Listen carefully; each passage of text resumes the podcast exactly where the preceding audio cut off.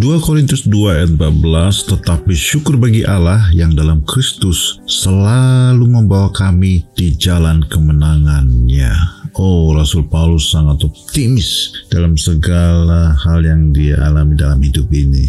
Dia berkata, dalam Kristus selalu membawa kami di jalan kemenangannya.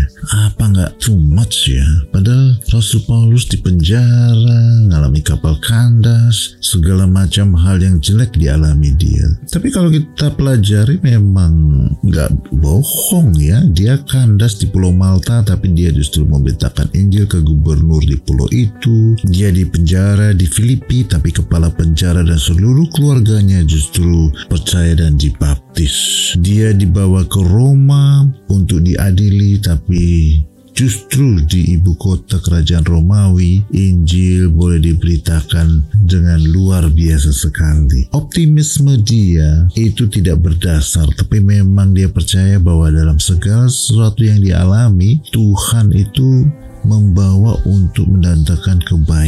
Hari-hari ini kita harus punya seperti Rasul Paulus miliki keyakinan bahwa dalam segala sesuatu Tuhan di pihak kita membawa kita berjalan di jalan kemenangannya bersama Tuhan melakukan. Amin.